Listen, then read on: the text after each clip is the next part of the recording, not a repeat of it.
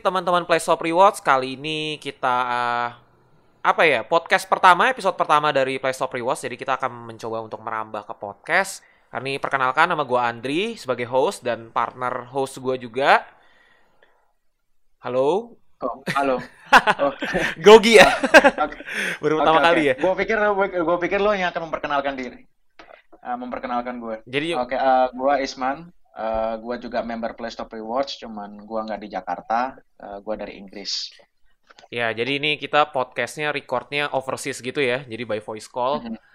Mhm. Oke, jadi sesuai tadi yang gue bilang pertama kali ya, eh, ini Mhm. bakal jadi episode pertama podcast kita dan kayaknya Stop Rewards akan mencoba membahas sesuatu hal yang apa ya bisa dibilang mana? ya?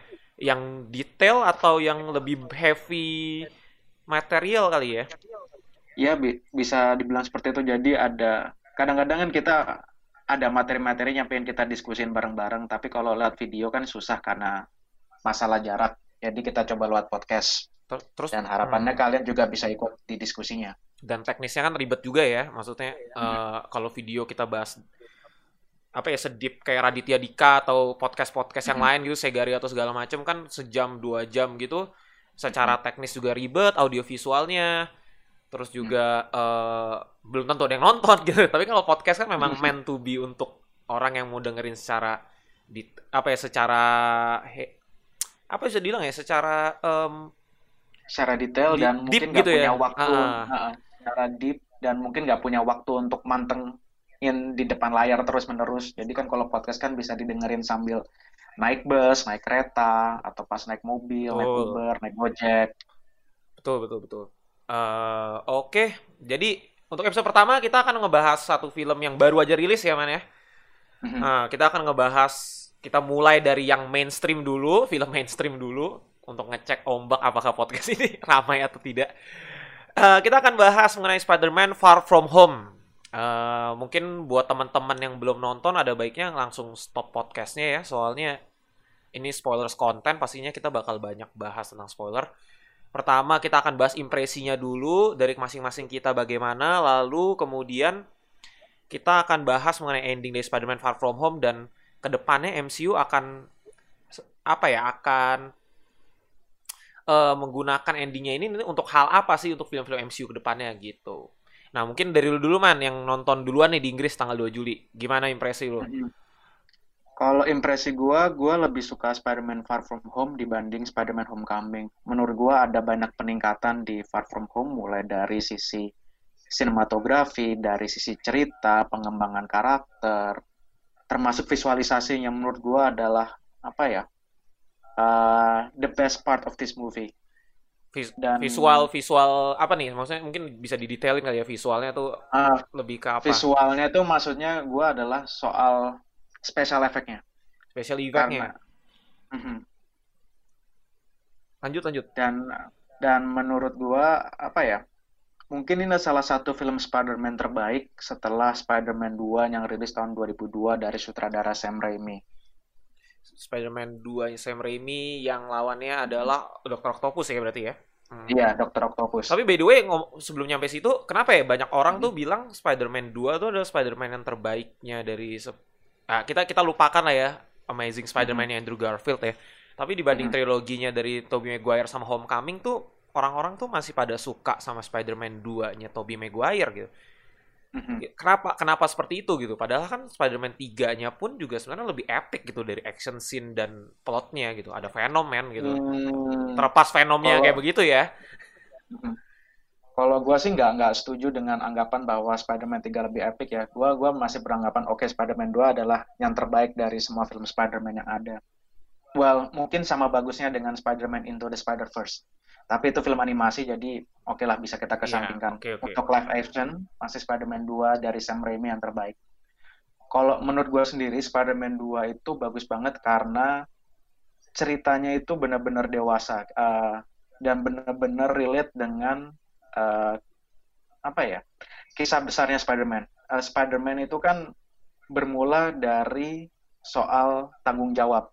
Mm-mm. Kita kan ingat quote with great power comes great responsibility. Which is yang jadi materi juga buat Spider-Man Far From Home sekarang ini kan. Iya, nah, tapi sebelum kita bahas Far From Home, gue coba jelasin dulu yang Spider-Man 2. uh, Spider-Man 2 membahas hal tersebut tuh dengan sangat baik karena kita ditunjukkan bagaimana Peter Parker tuh sebenarnya conflicted soal antara gue pingin menjadi manusia biasa, di mana gue bisa jalan dengan cewek yang gue suka, atau gue mau jadi superhero yang dicintai banyak orang, tetapi gue nggak punya kebebasan untuk melakukan apa yang gue suka, seperti itu. Oke. Okay. Dan itu digarapnya dengan baik, penuh dengan drama dan uh, kita juga diberikan resolusi yang bagus bahwa pada akhirnya uh, Spider-Man sadar bahwa gua adalah manusia super, gua diberkahi dengan kekuatan super. Di mana nggak semua orang punya kekuatan ini, berarti gua punya tanggung jawab untuk menggunakan kekuatan ini sebaik mungkin dengan tanggung jawab penuh. Seperti itu. Oke. Itu yang membuat Spider-Man 2 itu cukup epic pada masanya ya, bahkan hingga sekarang pun masih salah satu top mm-hmm. top ratingnya gitu ya. Terus mm-hmm. kan termasuk action yang bagus saat itu. Action yang bagus. Oh, mm. kalau gue inget-inget actionnya dia tuh lawan-lawan Octopus doang sih musuhnya ya pada iya, saat itu ya. itu musuhnya hanya Dokter Octopus dan mereka fightnya kan di atas kereta kan waktu uh, itu. Oh iya, salah satu adegannya yang di atas kereta. Iya iya. Iya. Uh, yang waktu itu sangat bagus banget dan CGI-nya untuk ukuran awal tahun 2000-an tergolong keren dan kalau nggak salah hampir dinominasikan untuk Oscar deh saat itu untuk Best Special Effect. Oh sempat sempat mau dinominasikan gitu? kalau tidak salah. Nggak nggak masuk tapi kayaknya ya. Oke, terus terus kalau yang Spider-Man Far From Home ini tadi melanjutkan yang tadi? Nah, Spider-Man Far From Home ini feel-nya hampir sama dengan Spider-Man 2. Jadi tema besarnya kembali soal tanggung jawab. Soal lo sebagai manusia super, tanggung jawab lo adalah uh, menjaga perdamaian dan menjaga keadilan. Cuma Peter ini, uh, kalau di Spider-Man 2 yang Sam Raimi kan dia udah kuliah, jadi relatif lebih dewasa. Mm-hmm. Nah, uh, Spider-Man yang di Far From Home ini kan masih anak-anak gitu kan ya, masih bocah umur 16 tahun, yeah. belum tahu dunia, tapi udah dikasih kekuatan besar. Jadi soal konflik antara tanggung jawab dan keinginan untuk bisa bermain dengan teman-temannya tuh terasa lebih real dan itu yang gue suka dari Far From Home jadi oh iya iya betul, uh, betul lebih ngena konfliknya jadi gue juga bisa ngerasain dan ketika gue SMA atau bahkan SMP gue sadar bahwa saat itu gue pinginnya main-main seneng-seneng tapi bukan mau tanggung jawab di mana gue harus mikirin berbagai hal-hal yang tidak seharusnya anak umur 15 tahun 16 tahun pikirin gitu betul betul betul betul itu yang membuat membuat lu menurut lu Far From Home sebaik mm -hmm. itu gitu dan maksudnya impresinya mm -hmm. impresinya jadi seperti itu ya buat lu ya oke okay. mm -hmm. sekarang giliran gue ya kalau giliran gue pribadi sih mm -hmm. gue sederhana sih ketika nonton Far From Home dari awal pertama kali intronya kan dimulai mm -hmm. dengan ini ya dengan Nick Fury dan Maria Hill terus ketemu Mysterio langsung di cut ke mm -hmm. title screen lalu masuk ke adegan di mana Tom Holland dan Ned berencana untuk nembak si MJ gitu. Maksudnya si Tom Holland ceritain rencananya dia untuk nembak MJ udah udah masuk situ kan itu kan udah diceritain tuh mereka ada trip. Itu gue cukup kaget karena mulainya langsung ke situ berarti kan nggak ada adegan adegan yang bank kalau di trailer tuh ada adegan perampokan bank itu udah nggak ada gitu.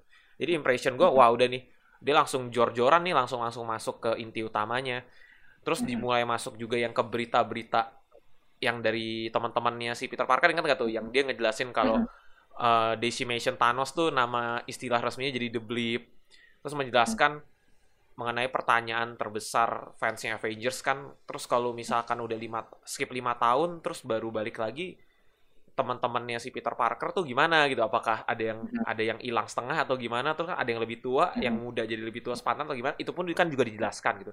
Jadi impresi gue pribadi terlepas dari plot utama atau apa ya main course dari film ini gue cukup seneng ya sebagai continuity dari MCU ini benar-benar nganggep semua film MCU sebelumnya gitu loh kan biasanya kayak di Doctor Strange tuh kita ambil asumsi Doctor Strange ya seakan-akan tuh kayak nggak mau nyinggung-nyinggung uh, anggota Avengers atau apa yang terjadi di dunia padahal kan maksudnya ini superhero udah skala dunia tapi nggak mau nyinggung-nyinggung gitu loh. Kalau di Far From Home ini kesannya tuh uh, universe MCU tuh dianggap semua gitu kesebut semua gitu loh. Bener-bener jadi Ingat gak waktu nelpon On May, si On May itu bilang, oh ini dari Doctor Strange ya gitu. Itu tuh kayak bener-bener. Ya bahkan sampai jadi pembicaraan pep talk aja tuh disinggung gitu sebuah sebuah semestanya gitu. Ini yang buat gue seneng sih impresinya gitu. Sebagai closure dari Phase 3. Itu yang membuat gue Spider-Man Far From Home ini selain sebagai kalau sebagai single movie sendiri menurut gue juga udah oke okay, udah bagus. Malah menurut gue malah yang paling terbaik ya di antara trilogi Spider-Man-nya Tobey Maguire ataupun Andrew Garfield. Eh, tapi sebagai sebagai MCU sendiri gue suka banget gitu. Apalagi bener kata lo tadi visual kalau gue sih visual di tempat tertentu aja ya yang di bagian Mhm. di bagian Mysterio punya illusion ketika melawan si Spider-Man gitu. Terus juga Mhm. dari segi plot walaupun udah ketebak, kita udah nebak teori juga bener ya di mana Quentin Beck itu ternyata menipu Ter- tapi juga nggak nggak nggak ganggu gitu, nggak mengganggu nggak mengganggu enjoyment dalam menonton gitu. Bahkan sampai akhir pun juga tetap menarik gitu melihat si Mysterio Mhm. ini ya. Gitu sih impresi dari gue sih sederhana aja sih, cukup cukup Mhm. enak lah buat ditonton lah. Rom terus kayak romance teenager gitu juga ya. Iya, bener-bener kayak kayak film coming of age gitu. Jadi drama remaja di mana kita ngeliat remaja itu bisa galau, bisa males sama dengan tanggung jawabnya, terus pengen nembak cewek tapi nggak tahu cara nembaknya gimana, seperti itu. Yang di mana ya gue pas masa-masa remaja pun ngalamin hal-hal seperti itu gitu. Hmm. Jadi ketika nonton tuh rasanya meskipun gemes sendiri, gue Iya, iya. oh ya dulu gue juga seperti itu. gitu. Iya gemes. iya iya. Apalagi pas adegan inget gak yang pas adegan si Spider-Man tuh teman-temannya itu lagi mau ke mana ke Praha ya kalau nggak salah Ceko ya Praha itu ya. Mhm. Terus kan suruh istirahat tuh. Terus Mhm. dia suruh ganti baju sama salah satu agentnya Shield. Mhm. Terus ke, ke gap sama temennya itu tuh bener-bener apa ya? Bener-bener natural banget dari sebuah rivalitas. Rivalitas gitu kan. Jadi gue ngerasa Mhm. ini film drama Mhm. coming of age apa film superhero Hmm. gitu. Nah, jagonya sutradaranya di situ. Jadi emang keinginan Marvel kan waktu itu Kevin Feige pernah bilang eh, agar orang tidak bosan dengan film superhero, maka setiap film superhero yang dibuat Marvel itu harus memiliki tema besar dengan atau memiliki genre yang berbeda. Jadi superhero itu hanya permukaannya, tetapi ini tetaplah film dengan uh, genre-nya spesifik gitu. Kalau Spider-Man maka genre-nya spesifik dan pas adalah coming of age atau drama remaja. Captain America maka pasnya political thriller atau Hmm. psychological thriller seperti itu. Berarti bisa dibilang nanti trilogi kan biasa kan MCU ini so far endingnya selalu di trilogi ya film solonya ya. Mhm. Berarti sampai Mhm. akhir pun akan tetap coming of age kah atau gimana nih ya prediksinya? Kalau kalau dilihat urutannya kan eh, dulu Kevin Feige pernah bilang dia pingin mentreat eh, franchise Spider-Man itu seperti Harry Potter di mana setiap film itu berarti adalah periode yang berbeda. Jadi eh, Peter usia 15 tahun, Peter usia 16 tahun, Peter usia 17 tahun lulus masuk kuliah seperti itu. Hmm. Nah, gua rasa sih nanti Spider-Man eh, sequel dari Spider-Man Far From Home itu akan tetap dengan tema coming of age, tetapi dengan karakter Peter yang mungkin sudah setahun lebih tua, jadi usia 17 tahun atau senior year. Berarti Jadi dia mau lulus. Nah, berarti kita bisa diasumsi kita nggak akan bisa melihat Peter Parker dengan film solonya ketika dia masa-masa udah dewasa gitu. Mungkin kita akan melihat apa ya? Spider-Man yang versi Peter Parker yang dewasa ini di film lainnya gitu, di film mungkin bukan di film Spider-Man tapi di film-film lain yang tie-in seperti kita melihat Tony Stark di Mhm. film Homecoming gitu kan. mhm, Atau, iya. atau Tony Stark di filmnya Civil War, filmnya Captain America Mhm. gitu. Atau bisa gitu atau mungkin recast. Eh, Recast. Jadi ya jadi maksudnya ganti pemeran. Soalnya dalam salah satu wawancara uh, Tom Holland yang memerankan Peter Parker tuh bilang kalau dia itu tidak ingin terjebak dengan satu karakter saja. Dia pakai acuan dia ingin jadi aktor seperti Leonardo DiCaprio, ia ingin seperti aktor seperti Jake Gyllenhaal di mana mereka punya portofolio film yang lebih Hmm. uh, beragam gitu loh. Mereka pernah meranin jadi penjahat, mereka pernah meranin jadi jagoan gitu. Jadi gue beranggapan Tom Holland setelah kontraknya habis, mungkin dia nggak akan memperpanjang untuk Spider-Man, dia akan mencoba peran-peran lain. Dia nggak ingin terjebak di karakter Spider-Man aja. Iya, which is kontraknya habis bakal lama kan. Mungkin bisa 5 atau 10 tahun lagi dong. Hmm, gue nggak tahu dia kontraknya tuh sampai kapan, tapi setahu gue dia masih ada kontrak untuk film Spider- sequel Spider-Man Far From Home, masih untuk film Avengers paling nggak, dan setelah itu nggak tahu. Oke. Oh, oh, oh, ada ada dua kontrak lagi ya, dua film lagi ya. Eh, either Mhm. nggak nggak mungkin Avengers sih kayaknya sih masih long way to go loh kalau Avengers. Oke, Mhm. berarti sekarang masuk kita ngebahas endingnya ya tadi ya, seperti yang gue bilang di awal kita kalau endingnya ini kan banyak apa ya bisa banyak menimbulkan teori-teori liar ya. Mungkin kita bahas poin besarnya nih. Uh, Ya, ending mungkin ending disebut dulu endingnya ada berapa harus apa aja, Ndre? kenapa kenapa? Disebut dulu endingnya ada apa aja. Oke. Berarti kita Nah. bahas poin besarnya dulu dari endingnya ya. Yang pertama kan Mhm, endingnya diakhiri dengan eh, identitas Spider-Man ketahuan secara publik. Kali ini benar-benar secara internasional bisa bilang nasional atau internasional gue gak ngerti. Pokoknya intinya Mhm. secara media besar identitasnya ketahuan karena Mysterio eh, nge-reveal ke buat video lah, buat video yang diedit sama temennya lalu di-reveal ke media gitu. Itu yang Mhm. pertama. Yang kedua adalah kembalinya Jonah Jameson Mhm. kembali J.K. Simmons lebih tepatnya sebagai Jonah Jameson. Jadi Mhm. kayak aktor yang sama atau karakter yang sama yang diperankan pada trilogi yang Tobey Maguire. Entah ini gua nggak tahu nih, ini cuma fan service. Apa ke depannya mungkin akan jadi punya peran besar sendiri ya di sequelnya. Mungkin nanti gua akan nanya ke lu kali yang mengenai Daily Bugle tuh mungkin sebenarnya apa sih media seperti apa gitu.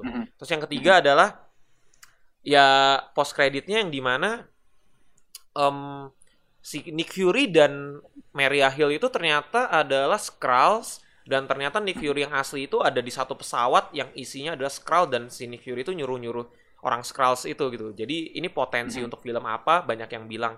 Swords atau apalah gitu. Nah, itu Mhm. kira-kira ke depannya bagaimana nih? Mungkin kita bahas dari yang pertama dulu nih. Mhm. Mungkin yang Jonah Jameson dulu lah, yang yang lebih ringan Oke. lah. Jonah. Jameson nih pertanyaan terbesarnya kan dia nge-repress role-nya lagi nih. Ada terus Daily Bugle-nya itu kalau di mention dari di Far From Home sendiri itu katanya salah satu media yang cukup kontroversi. Emangnya bukannya itu kalau di trilogi Tobey Maguire kan sebagai media koran biasa ya, media mainstream gitu. Emang bedanya apa sih? Mungkin mungkin kalau di refer ke komik Daily Bugle itu sebenarnya apa sih gitu? Oke, eh, kalau dibilang J. Jonah Jameson yang di Far From Home ini J. Jonah Jameson yang sama dengan triloginya Tobey Maguire itu beda. Eh, ini karakter J. Jo- J. Jonah Jameson yang benar-benar berbeda, inkarnasi baru.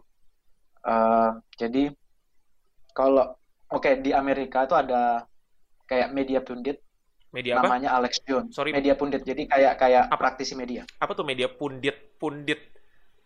Iya, itu kayak praktisi media Mhm. atau kayak uh, figur penting yang ber- uh, menggunakan media untuk menyampaikan opini-opininya. Oke, oke.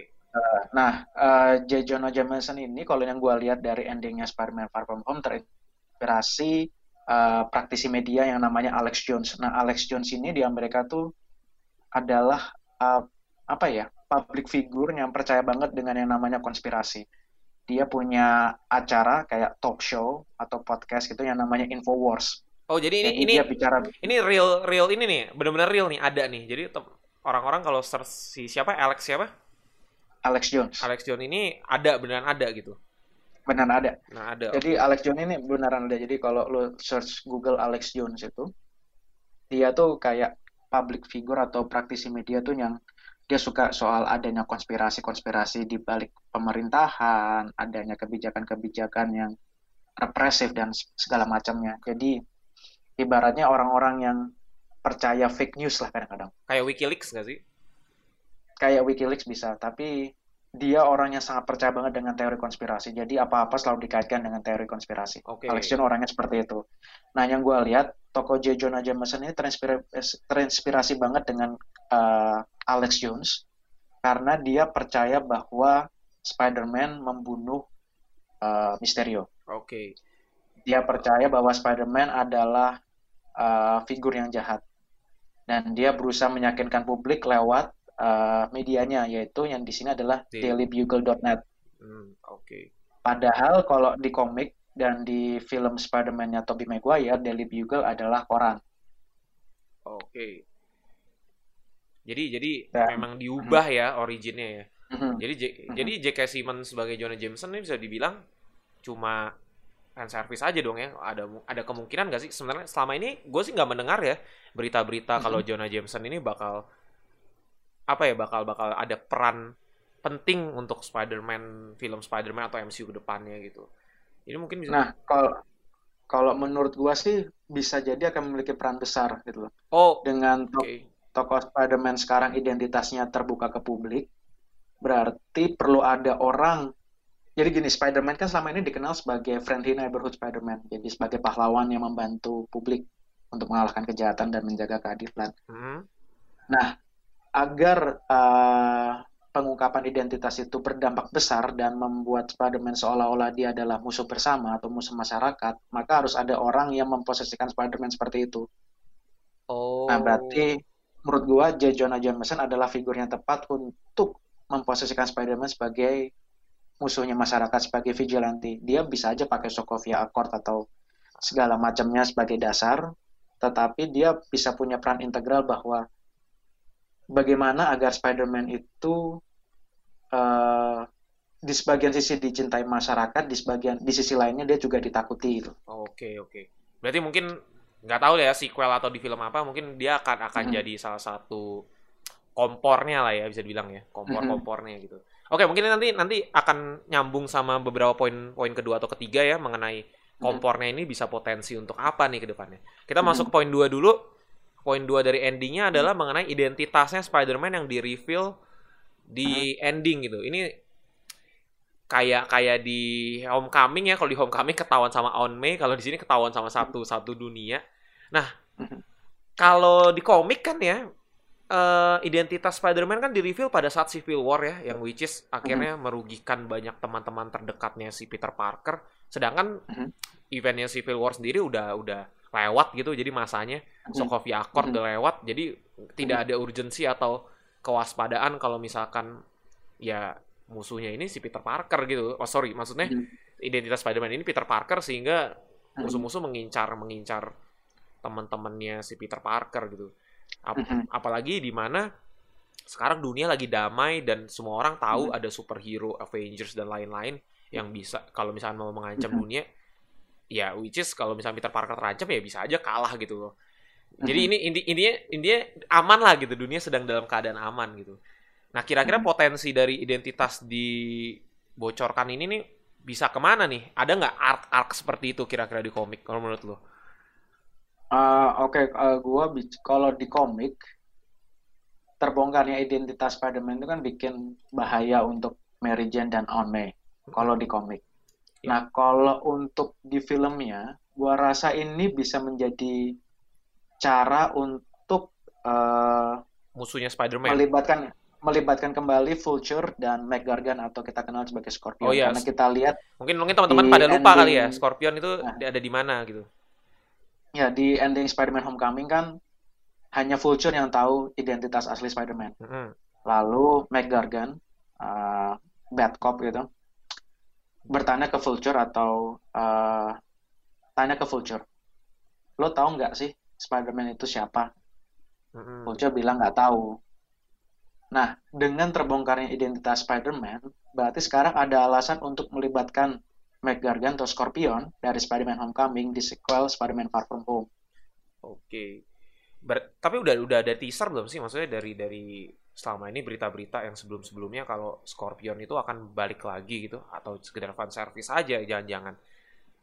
Nggak ada sih. Cuman kita tahu kan uh, Marvel tuh sangat menjaga ketat rahasia-rahasia perihal ceritanya akan mereka ceritakan jadi misalkan nanti Spider sequel Spider-Man Far From Home akan menceritakan soal Scorpion misalnya hmm. itu kita baru tahu baru akan tahu menjelang produksi biasanya oke okay.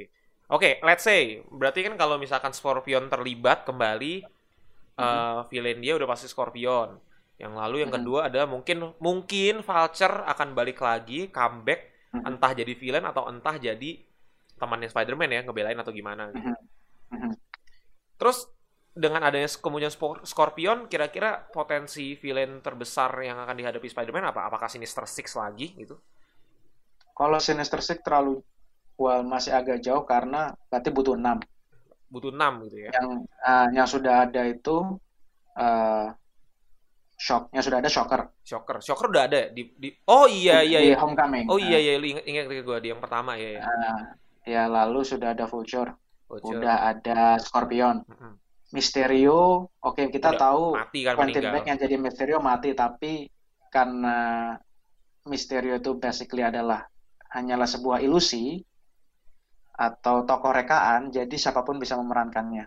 Dan kita nggak tahu kan, maksudnya kita lihatnya Quentin Beck pingsan mm-hmm. atau kelihatannya sudah tidak mengembuskan nafas gitu. Tapi kayaknya udah dikonfirm deh. Ya kalau udah dikonfirm bagus, tapi itu tidak menjamin bahwa karakter Misterio mati karena karakter Misterio bisa diperankan oleh siapa pun. Karena di film kan kita diperlihatkan bahwa sebenarnya musuh Spider-Man di Far From Home itu bukan Quentin Beck seorang tapi Oh iya, kayak teman-temannya ya. bekas-bekas karya bekas-bekas Iya. karyawannya Stark Industry. Ah, ah, betul betul. Jadi misalkan Quentin Beck mati, dia hanyalah satu dari sebuah bagian besar. Masih ada orang-orang yang bisa menggantikannya. Oke, oke. Berarti, ba- berarti baru ada empat, butuh dua lagi. eh, berarti butuh dua lagi. Nah, kalau misalnya mau nambahin dua lagi, takutnya nanti sequel Spider-Man Far From Home jadi terlalu penuh, villainnya terlalu banyak. Tapi ya, itu bukan berarti nggak mungkin. Itu jago-jagonya sutradara sama penulis naskahnya nanti. Kalau kalau gue bilang Sinister Six itu nggak mungkin terjadi ah, karena alasan beberapa alasan sih sebenarnya sih. Yang pertama adalah kan kalau kita ambil premis di mana musuh-musuhnya Sinister Six ini nih kayak merasa pengen apa ya pengen membalas dendam ke Spider-Man. Meanwhile Mhm. Spider-Man-nya Tom Holland ini punya dendam sama siapa gitu maksudnya musuh musuh utamanya aja baru dua orang gitu Mysterio dan si Vulture Mhm. gitu. Sedangkan Mm-mm, sisa-sisanya kan kriminal-kriminal tingkat jalanan ya gitu bisa dibilang ya. mm-mm. Jadi nggak terlalu nggak terlalu membuat kayak seorang super villain untuk bisa dendam banget sama si Spider-Man gitu. Jadi itu membuat yang menurut gua super villain super villain untuk Sinister Six ini nggak mungkin terjadi gitu. Kecuali Mhm. kecuali film-film lain menceritakan villainnya dari Spider-Man, which is kayaknya nggak mungkin. Kayaknya kontraknya nggak bisa nyampe situ ya. Singkat gue ya. Kontraknya Hmm, Sony. nggak tahu. Eh, kontraknya Sony yang sejauh yang kita tahu adalah eh, Sony mendanai eh, produksi Spider-Man, tetapi produksinya dilakukan oleh Marvel Studios. Keuntungan akan diambil oleh Sony semua, tetapi keuntungan dari merchandise akan diambil oleh Marvel. Tahu gue Cuma ada apa yang yang Ah. karakter itu yang eh, hak karak penggunaan karakternya ya, jadi karakter-karakter yang masuk dalam dunia Spider-Man itu harus ada kesepakatan antara Marvel dan Sony soal mana yang akan dipakai dan mana yang tidak. Nah, sejauh ini Sony kayaknya kan uh, mulai bikin film-film lain yang berdasarkan tokoh-tokoh dari franchise Spider-Man. Venom, Ada Venom, terus rencananya Mobius, Morbius. Mobi Mo- Morbius tuh bukannya satu ini ya, satu universe sendiri ya, maksudnya nggak tergabung dengan Marvel superhero Nah, ya Marvel itu yang gitu. kita, kita nggak tahu. Jadi yang terakhir ini infonya kan si Kevin Feige bilang bahwa dia tidak menutup kemungkinan film-film yang diproduksi Sony untuk diikutkan dalam cerita besarnya Marvel. Jadi dia dia tidak menutup kemungkinannya, tetapi bukan berarti sudah ada rencana. Hmm, Jadi kalau misalnya mau digabungkan, itu sangat mungkin karena selama ini di developnya oleh Sony sebagai standalone, berarti banyak detil-detil atau ruang-ruang yang bisa dimasukkan eh, ibaratnya apa ya, benang merah agar berkaitan dengan film-filmnya MCU seperti itu. Oke, setahu gua tuh gini, ada beberapa kontrak yang menyatakan kalau Spider-Man ini, kalau di film solonya Spider-Man, eh, Sony bilang boleh menggunakan karakter apa pun yang Mhm. jadi hak miliknya Sony, tapi begitu udah di filmnya Marvel Studios, dia cuma Mhm. boleh munculin karakter Spider-Man doang. Jadi kalau mau munculin karakter yang lain, itu nggak boleh gitu. Ada ada mungkin ya tadi kalau lu bilang ada kesepakatan tertentu yang lain cerita ya. Tapi intinya nggak Mhm. boleh gitu. Jadi nggak nggak bisa bebas menggunakan karakter siapa sih musuh-musuh Sinister Six selain Mhm. yang tadi ada misalkan eh Dokter Octopus, misalkan Sandman atau Mhm. siapa macam segala macam itu nggak bisa muncul di film-film lainnya MCU gitu. Mhm. Setahu gue kayak gitu dan itu yang membuat kalau misalkan tidak ada pengembangan karakter villain di luar film Spider-Man, which is Mhm. sequel untuk serial ketiganya Spider-Man ini agak sulit ya untuk munculin Sinister Six ya. Mendingan better Mhm. kasih aja sekalian villain baru yang orang-orang masih awam gitu loh. Kalau menurut gue sih kemungkinan besar emang akan fokus ke Scorpion karena udah di setup dari Spider-Man Homecoming dan kemudian ada tambahan bahwa uh, Scorpion ini atau Meg Gargan kan mencari siapa sih Spider-Man. Hmm. Nah dengan sekarang identitas Spider-Man sudah terungkap berarti sudah ada alasan untuk kembali melibatkan tokoh Meg Gargan atau Scorpion. Tapi kalau misalnya musuhnya Scorpion doang, bosen gak sih? Maksudnya secara skala masif tuh kayak jadi jatuh gitu loh. Ya nggak sih? Hmm, kalau menurut gua eh, cerita itu eh, bagus atau tidaknya film tidak harus dilihat dari skala, tapi dari eksekusinya. Jadi kadang film dengan eh, scope yang kecil pun bisa sangat bagus karena berarti kan lebih sedikit ruang untuk kesalahan. Jadi kalau misalnya karakternya dikembangkan dengan baik dan benar-benar relatable dengan tokoh Spider-Man ya, menurut gua nggak akan ada masalah.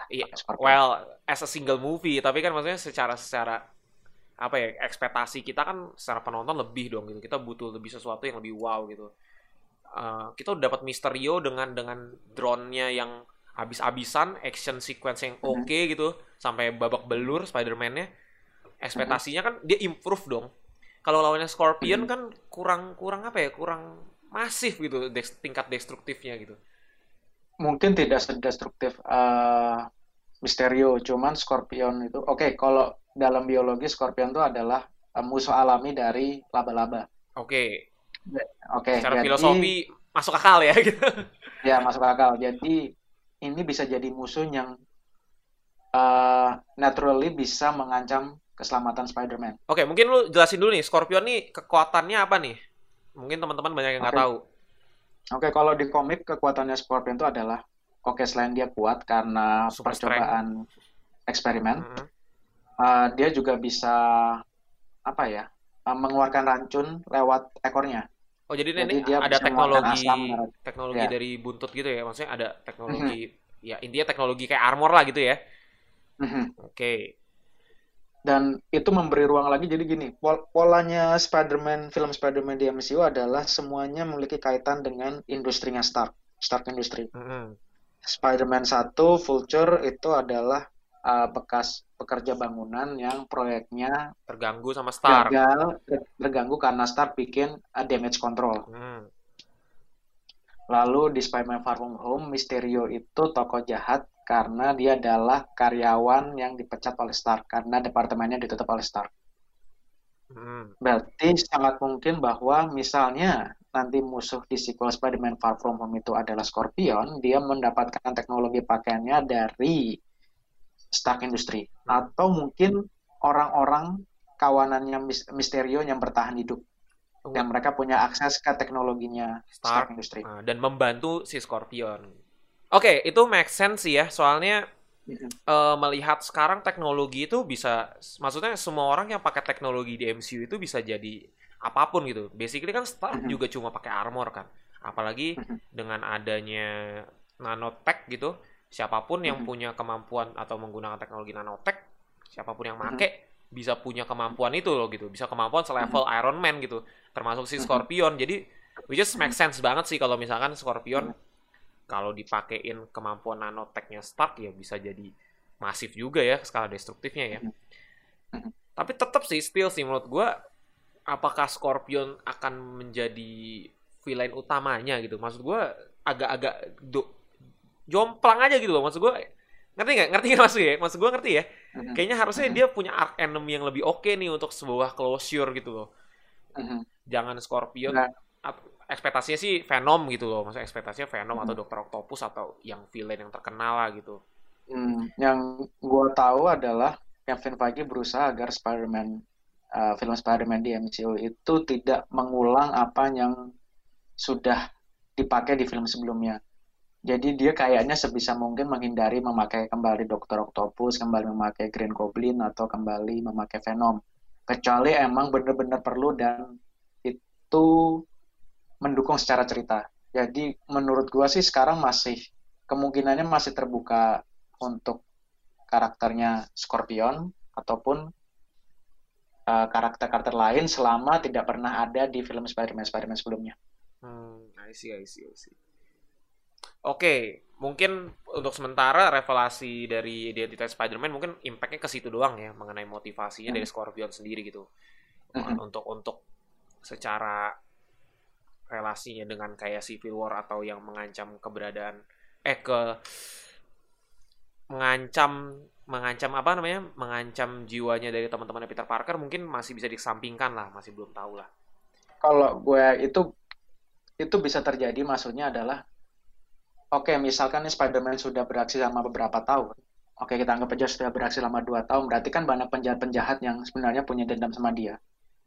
Penjahat-penjahat kelas kroco atau kelas Hmm. jalanan ini bisa aja mengancam bahaya teman-temannya Peter ataupun keluarganya Peter. Ya, tapi kan maksudnya kalau buat gue tuh agak-agak kurang ya kalau plot itu ya. Soalnya melihat melihat kemampuan dari teknologinya Stark tuh udah se- semasif itu loh, se, se-epic itu loh. Kayak dia tinggal bilang, eh, ingat gak waktu zamannya di Age of Ultron, Mhm. ketika dia minta tolong sama Iron Legion untuk ngawasin dari ngawasin apa namanya? Sokovia bukan Sokovia apa tuh yang di Rusia? Pokoknya ngawasin eh Sokovia. Sokovia ya ngawasin penduduk yang ada di Rusia itu. Jadi dia bisa bisa nyuruh AI-nya gitu which is yang ba- Mhm. bahkan di Far From Home sendiri bisa selevel itu si editnya ini loh yang dia bisa Mhm. bisa tinggal ngomong "Eh, tolong jagain ini tolong incar ini tolong ini ini. Mhm. di level itu which is harusnya sih nggak menjadi nggak menjadi ini ya nggak menjadi masalah untuk teman-temannya. Terancam gitu simply tinggal minta tolong dengan teknologi Stark untuk menjaga gitu. Walaupun mungkin memang jaganya nggak bisa dijagain bener-bener secara real time ya at least ada yang ngejagain. Bahkan ada ada shield ada shield shield bisa jagain juga. Belum kita belum tahu nih ke depannya Avengers akan seperti apa gitu. Apa makan masih ada atau ada tim lain. Tapi setidaknya penjagaannya tuh udah skala global gitu loh. Pemerintah pun pasti akan aware dengan hal itu. Gue rasa tidak akan tidak tidak akan mungkin kalau misalkan eh, plotnya tuh hanya karena takut teman-temannya atau on May itu diancam gitu. Itu sih alasannya menurut gua ya. Better better simply karena memang dendam aja sama Spider-Man gitu. Mhm. gitu. Oke. Mungkin kita bahas yang poin yang ketiga. Mhm. sekarang mengenai yang Skrulls. Skrulls dan keberadaannya si Nick Fury. Jadi Mhm. po- eh, teori terbesar itu adalah Swords Swords itu nih gue jujur gue nggak tahu nih Swords ini organisasi apa? Apakah dibangun sama si Nick Fury juga katanya sih ini salah satu organisasi kayak Shield tapi yang versi luar angkasanya gitu Mhm. mungkin mungkin Ya. mungkin lo yang udah baca komiknya mungkin lebih ngerti kali ya apa nih referensi dari Swords ini sih Oke, eh, jadi Sword ini boleh dibilang seperti versi kosmiknya Shield. Jadi kalau Shield itu eh, tugasnya menjaga keamanan di bumi dari dari balik layar. Sword itu untuk ancaman-ancaman dari luar angkasa. Mungkin perumpamaan paling gampang adalah Sword itu adalah Man in Black-nya Marvel. oh main Black main in Black-nya Marvel oke Ya, apa bedanya sama Guardians of the Galaxy maksudnya kan mereka kan sama-sama jaga jaga ini jaga ya luar angkasa lah gitu intinya lah yang bagian luar angkasa gitu perbedaannya begini, eh, Sword itu dibentuk untuk menjaga bumi untuk ancaman dari luar angkasa. Oh khusus di bumi ya ya khusus bumi ancaman untuk bumi dari luar angkasa. Jadi misalnya ada alien datang mau ke bumi, maka yang merespon pertama kali ada Sword. oke oke Sama seperti Man in Black. Kalau Man in Black kan kalau lo lihat filmnya adalah mereka merespon soal alien-alien yang masuk ke bumi baik sebagai refugee ataupun sebagai ancaman. Hmm, Nah, Sword seperti itu sebenarnya fungsinya. oke memang potensi bakal Sword ya melihat setelah kejadian Thanos ya mungkin Mhm. Nick Fury udah mikirin kayaknya perlu ada yang jagain gitu sebelum sampai orang-orang bumi sadar well Sword sendiri itu simply kayak shield gitu nggak ada nggak ada kayak Avengers yang anggota-anggotanya superhero atau gimana Hmm, nggak ada setahu gua. Jadi emang isinya agen. Agent emang agent gitu berarti secara Mhm. secara superpower kalah dong maksudnya sama Avengers dan kawan-kawan ngapain dibangun Swords ya gitu Tapi gini, eh agentnya adalah alien yang kita nggak tahu kemampuan alien itu seperti apa. Maksudnya adalah ada ber- kalau yang kita lihat kan Skrull ya. hmm. Tapi kita nggak tahu bisa jadi agak agen-agen dari makhluk lain. Nah kemudian direkrut untuk Sword. hmm. Ini ini anggapan gua Sword ini anggotanya yang di MC adalah anggota-anggotanya adalah alien. oke Yang berarti pasti beberapa di antaranya memiliki kemampuan spesial gitu, yang tidak dimiliki oleh manusia biasa. melihat melihat Skrulls akan berperan penting lagi soalnya sih kan si Skrull yang Bill Mendelsohn ini kan terakhir kita lihat di Captain Marvel Mhm. tahun 90-an kalau setting timelinenya kan dibantu Mhm. sama si Carol Danvers cari tempat baru ya Mhm. kok tiba-tiba bisa Mhm. muncul di bumi lagi nih berarti kan Mhm. ada kemungkinan Secret Invasion might, might be happen kali ya Secret Invasion Mungkin. tapi kayaknya baik Skrulls-nya Jadi gini, uh, Secret, Secret, uh, sorry, Secret Invasion kan ceritanya adalah uh, Skrull menyamar menjadi pahlawan-pahlawan di bumi untuk kemudian uh, menjatuhkan mereka dari dalam. Mhm. Itu cerita di komik. Uh, dan di komik juga ceritanya bahwa Secret Invasion itu tidak dipicu oleh semua scroll, tetapi oleh faksi-faksi tertentu. Salah satunya adalah Queen Verankena. Oke. Okay. Oh, jadi ada memang kalau, memang kalau, ada orang dengan apa ya, person Skrulls dengan personality tertentu yang jahat lah gitu ya. Iya. Nah, uh, kita nggak tahu konflik Skrull ke depannya akan seperti apa di film Captain Marvel atau di film Marvel lainnya. Tetapi apa yang ada sekarang tidak menutup kemungkinan Secret Invasion bisa terjadi. Jadi walaupun tokoh Talos yang diperankan oleh Ben Mendelsohn ini adalah Skrull yang baik, bukan berarti tidak ada Skrull yang jahat. Pasti ada vaksin yang, oke, okay, uh, posisi gue terancam, ada hubungan baik antara Skrull dengan bumi, mungkin ini bisa jadi jadi jalan untuk Skrull menguasai bumi. Mungkin ada yang berpikiran seperti itu. I see, I see. Oke, okay. mengenai mengenai ending post credit yang paling ending endingnya ini, lu lu expect hmm. akan impact apa nih ke film MCU ke depannya? Kalau untuk yang mid credit scene-nya yang uh, enggak yang yang yang ini aja, yang apa yang yang terakhir ini yang Skrulls ini nih. Oh, yang Skrull ini. Mm -hmm. Gue sih melihat bahwa fokus Marvel Cinematic Universe ke depannya akan benar-benar di kosmik. Di kosmik ya? jadi, ya. Ya, jadi akan fokusnya adalah ancaman-ancaman dari luar angkasa, bukan lagi ancaman di dalam bumi. Fokus besarnya ya. Mm -hmm. uh, karena berarti sekarang udah ada SWORD, berarti sudah ada organisasi yang mengantisipasi kemungkinan datangnya ancaman dari luar angkasa. Oke. Okay. Dan sekarang dan Marvel juga menyiapkan film The Eternals, mm -hmm. berarti dan kemudian Marvel juga masih ada proyek Guardians of the Galaxy. Oh iya, yang ketiga. Uh, yang ketiga. Dan kayaknya selain itu belum ada proyek-proyek lain yang berkaitan dengan setting di bumi ya selain Black Widow ya. Uh -uh. Jadi Black Widow pun juga di masa jadi, lalu kan? Uh, kayaknya begitu. Jadi gue rasa kayaknya Marvel sekarang lagi set up uh, fondasi atau elemen-elemen penting untuk kemungkinan cerita yang settingnya adalah luar angkasa. Oke, okay. uh, coba kita cek dulu. Uh, impact dari endingnya ini sendiri ke ke film MCU ke depannya mungkin bakal kita lihat di film apa gitu. Melihat next movie-nya kan yang so far ini kita tahu kan baru Black Widow ya yang pasti confirm ya lagi syuting. Terus Sangchi. Sangchi mungkin kita nggak bisa lihat lah. Sangchi kan origin film, origin superhero. Terus juga kemampuannya juga martial arts, jadi mungkin skalanya nggak semasif itu gitu ya, nggak nggak sampai nyinggung-nyinggung kosmik. Lalu ada apa? Guardian of Galaxy 3 rencana tahun 2000 20 kalau nggak salah. 20 eh, kayak 21. 2021. 2021. 2021 ya itu pun juga kayaknya juga nggak mungkin nyinggung ke bumi gitu mungkin ya ada kemungkinan sih ketemu Nick Fury di luar angkasa tapi jauh lah gitu uh, yang udah potensi adalah Captain Marvel 2 tapi masih belum tahu ya rilisnya kapan Captain Marvel 2 dan ya Spider-Man 3 tapi kayaknya Spider-Man 3 sebelum sampai Spider-Man 3 masih jauh ya masih lama ya. So far sih Eternal sih ya paling potensial ya. Terus apalagi nih belum belum belum ada lagi ya film-film MCU ke depannya yang mungkin bisa nyambung ke endingnya dari Nick Fury ini nih. Mhm. Belum ada kayaknya. Jadi gua rasa uh, Oke, kita nggak tahu The Eternals nanti settingnya di tahun berapa, apakah di masa lalu atau mendekati masa sekarang. Cuma menurut gua ini dampak dari ending post credit scene-nya Spider-Man Far From Home itu kemungkinannya adalah Captain Marvel 2 hmm. atau The Eternal. Captain Marvel. Gua rasa The Eternal karena The Eternal ini adalah franchise baru, berarti dia butuh seba sebanyak mungkin koneksi ke film-film Marvel lainnya. Hmm, Oke. Okay.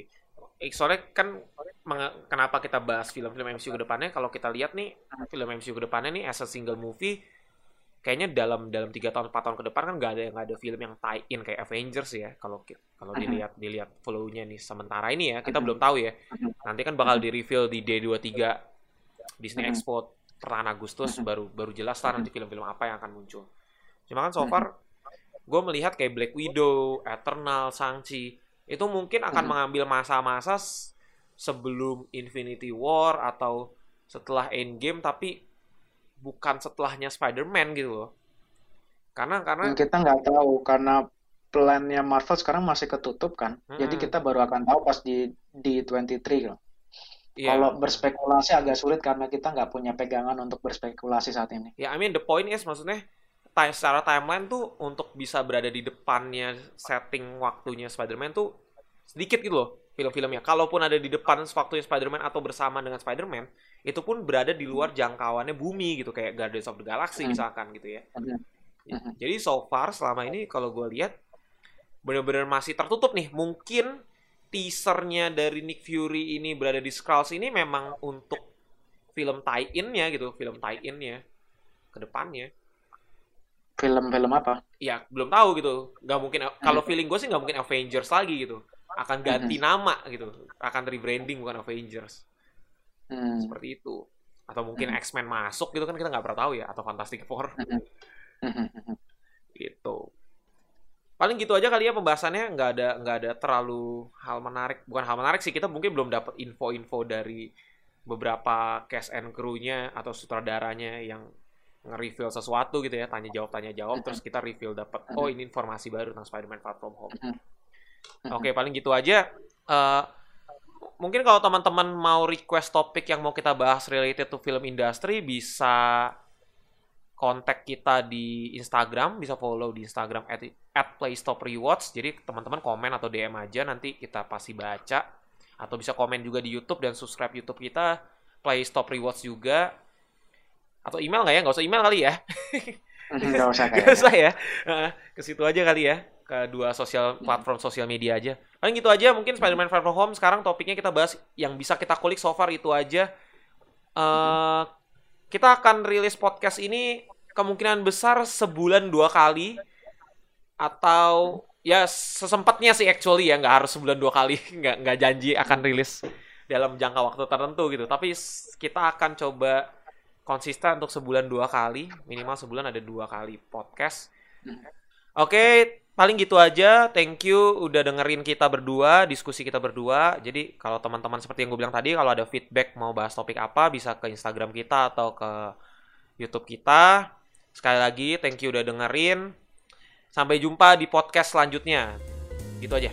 Bye bye Ya, aja. Bye.